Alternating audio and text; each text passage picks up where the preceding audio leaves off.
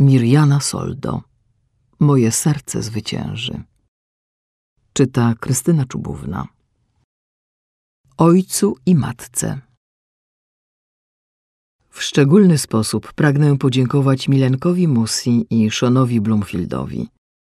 Dzięki ich miłości, cierpliwości i pomocy ta książka trafiła do Was. Wprowadzenie. Nazywam się Mirjana. Od ponad 35 lat objawia mi się Najświętsza Maryja Panna. Nie mogę wyrazić tego bardziej bezpośrednio. Rozumiem, że trudno jest wyobrazić sobie, że coś takiego dzieje się współcześnie. Nawet dla niektórych ludzi wierzących cuda należą do przeszłości. A kiedy to wszystko się zaczęło, też wątpię, czy by się znalazł ktoś bardziej zszokowany niż ja sama. Nawet nie wiedziałam, że takie rzeczy w ogóle mogą się wydarzyć, a co dopiero w Medjugorju, małej wiosce w ówczesnej Jugosławii. Musicie wiedzieć, że badali mnie lekarze i naukowcy z całego świata i wszyscy zgadzają się co do jednego. Jestem całkowicie normalną osobą. Dowody na to mam nawet na piśmie. Dlatego zanim zaczniecie kwestionować moje zdrowie psychiczne, z uśmiechem na twarzy po prostu was zapytam.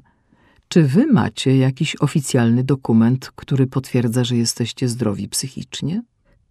Nie napisałam tego, żeby kogokolwiek przekonać, że należy mi wierzyć.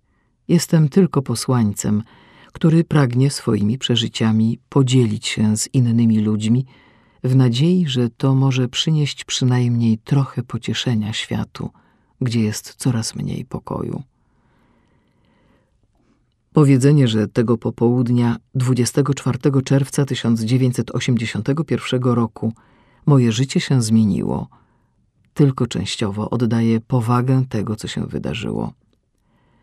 Do tego dnia żyłam pod silną władzą komunizmu i znosiłam wiele trudności, które się z tym wiązały.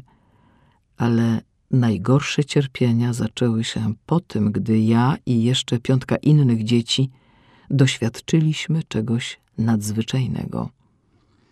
To, co zobaczyliśmy, dogłębnie zmieniło nas, nasze rodziny, a także miliony ludzi na całym świecie. Zarazem jednak wywołało to także wściekłość jugosłowiańskiego reżimu. Obawiano się, że moje świadectwo jest pewnego rodzaju zagrożeniem dla władzy, więc komuniści nazwali mnie wrogiem ludu, a miałam zaledwie 16 lat. Może ich strach nie był nieuzasadniony, ponieważ poznałam coś dużo większego niż władza komunistyczna. W rzeczywistości dużo większego niż cokolwiek na ziemi. Poznałam Bożą miłość.